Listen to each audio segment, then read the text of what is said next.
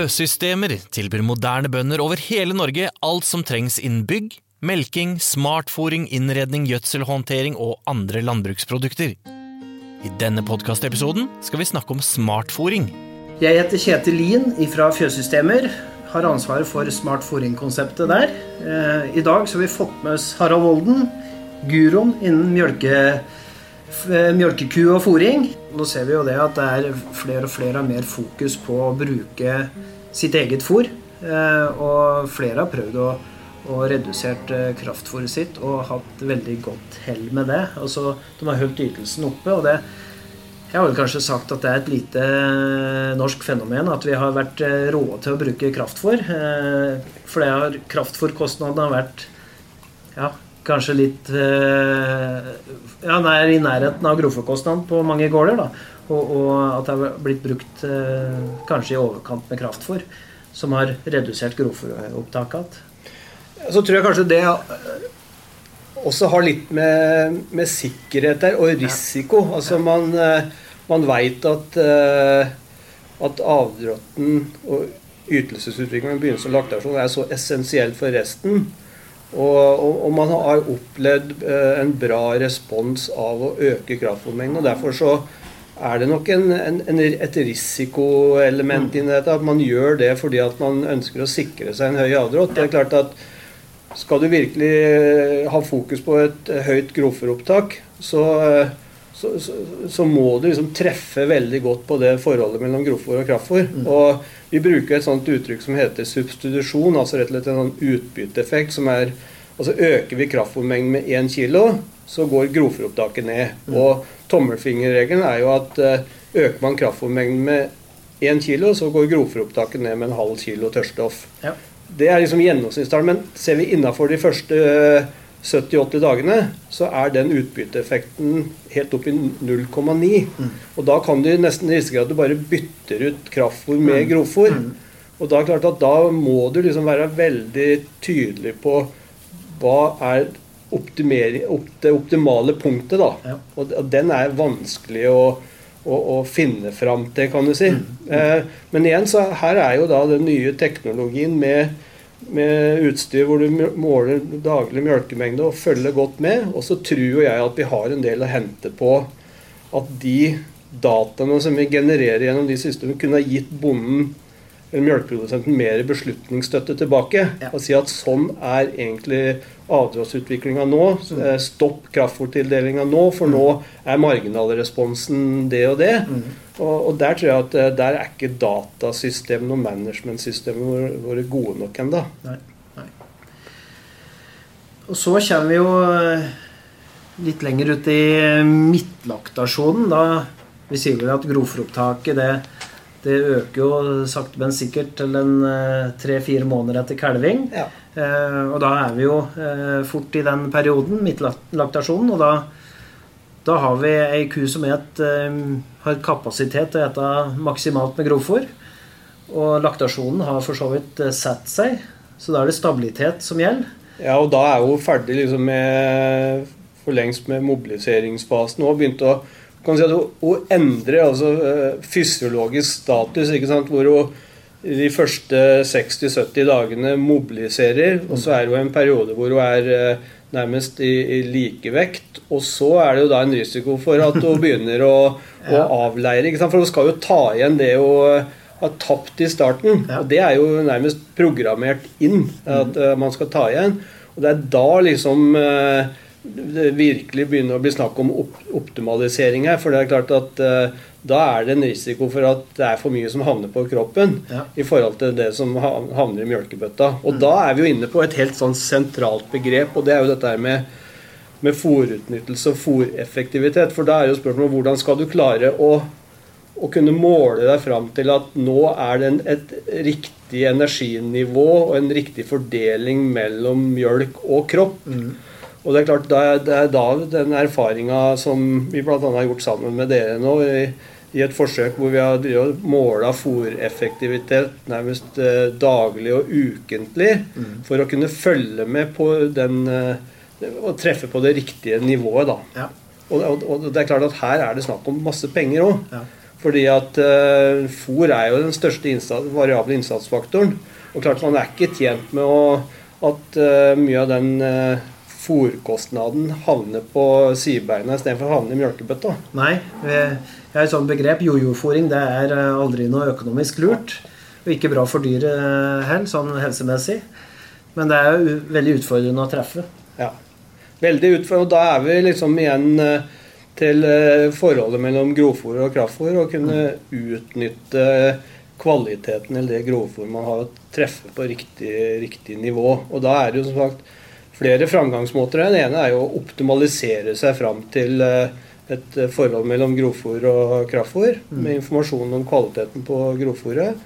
Og så det andre er mer eh, jevnlig måling av fòreffektivitet eller fòrutnyttelse. Mm. Det er liksom en måte å, ha oversikt over stabiliteten på den fòringa. Og så er det jo da mer igjen datasystemer, data. ikke sant? Dette med å se på vektutvikling. Det er klart at at både i gjennomsnitt for besetningen og på enkeltdyr, der hvor det er utstyr med, med, hvor du kan måle vekt. Og så har du jo andre systemer som kan måle eh, holdet mer, mer jevnlig. ikke sant? Sånn at det å bruke de, de verktøyene er, er, kjempeviktig. Samtidig så må vi også være klare at både det å se på holdutvikling og vektutvikling da er du hele tida litt på etterskudd. Mm. fordi at det, det at ku begynner å legge på seg hold, da har jo allerede hatt en periode med med overfòring om å begynne å øke vekt, så har vi allerede hatt noen uker hvor du har uh, spist kanskje mer enn eh, det hun har hatt behov for, i, for, i hvert fall i forhold til melkeproduksjon. Ja, ja, ja. Så det er liksom uh, dette da med Og da er vi tilbake til noe av kjernen her, dette med å kunne ha en kontinuerlig måling av fòrutnyttelse. Mm. For den er jo liksom, den måler du nærmest i øyeblikket.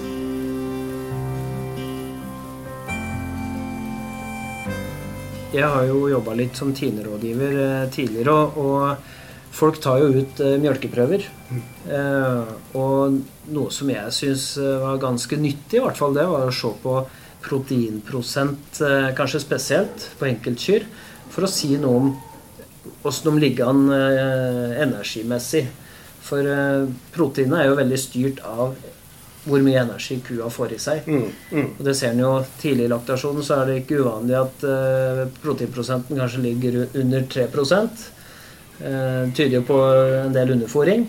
Og så i sluttlaktasjon så er det kanskje på 3-7-3-8 der det er sterk overfòring. Mm. Uh, og det er jo noe du kan bruke for å tyne inn uh, kraftfòrnivå òg. Absolutt. som du sier, både proteinprosenten Fettprosenten er jo interessant også i forhold til dette her med, med vannmiljø og den mm. bilen. Men også faktisk forholdet mellom protein og fett mm. er også en sånn uh, interessant indikator i forhold til både energibalanse og også egentlig vannmiljø. Så det er klart at med den uh, nye teknologien hvor det blir målt uh, fett og protein f.eks. I, en, i en robot, og det å kunne utnytte de dataene det er, det er kjempespennende. Og så har de jo urea oppi dette her. ikke sant? Eh, den du får måla på, på tanken jevnlig. Det å bruke den også som en indikator på, på uh, hvordan fòring er, er, det er også viktig. Og det er klart Når urea i mjølk begynner å komme ned på 3,5, så er det absolutt begynne å rope litt varsko. For det er klart da da begynner det å gå utover det som skjer, eh, skjer i Vom. Og eh, et forsøk som vi kjørte i felt eh, med flere hundre kyr, viste jo det at når urea mjølk datt litt i underkant av fire, så på, fikk vi dårligere fruktbarhet på kyrne.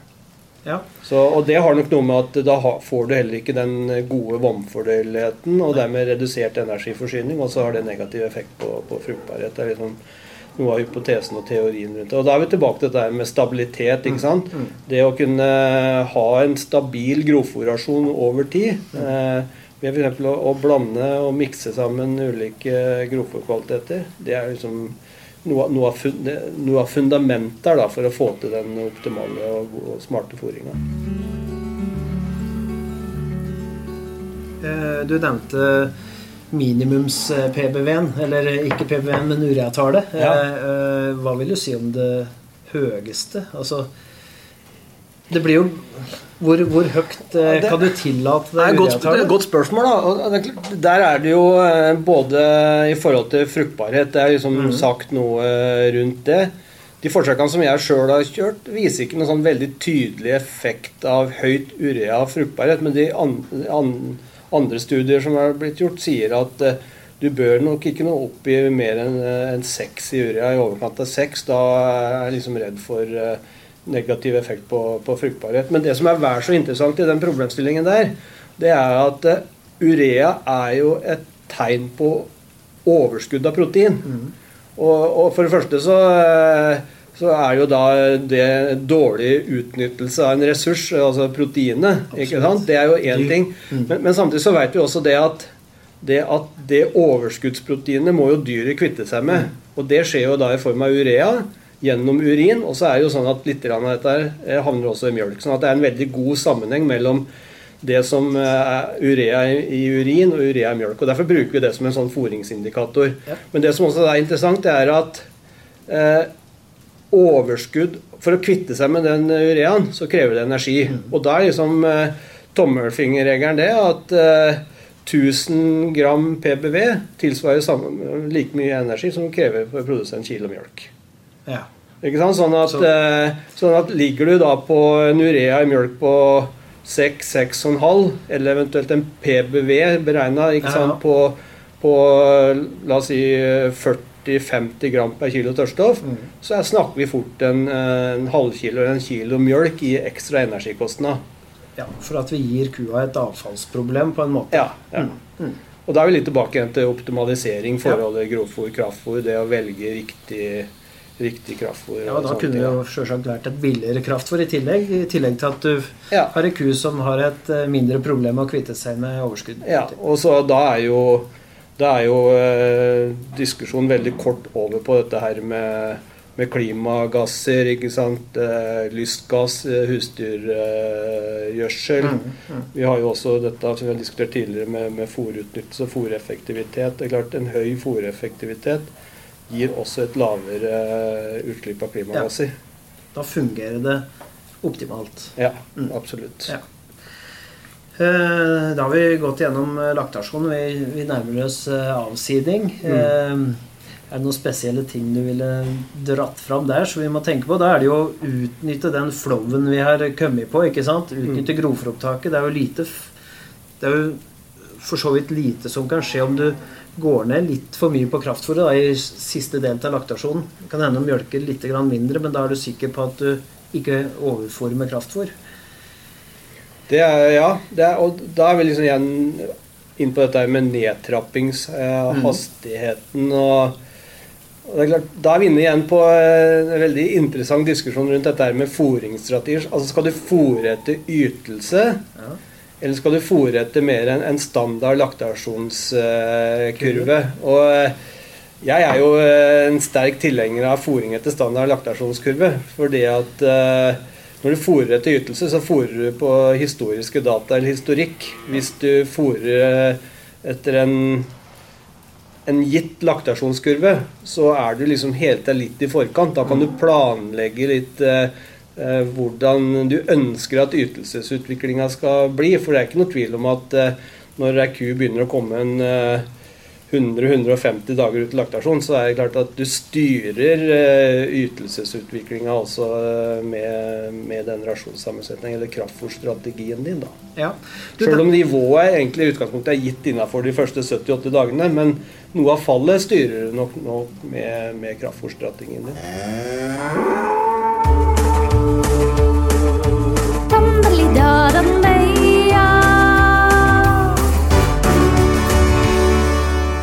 Ønsker du mer informasjon om oss og våre produkter?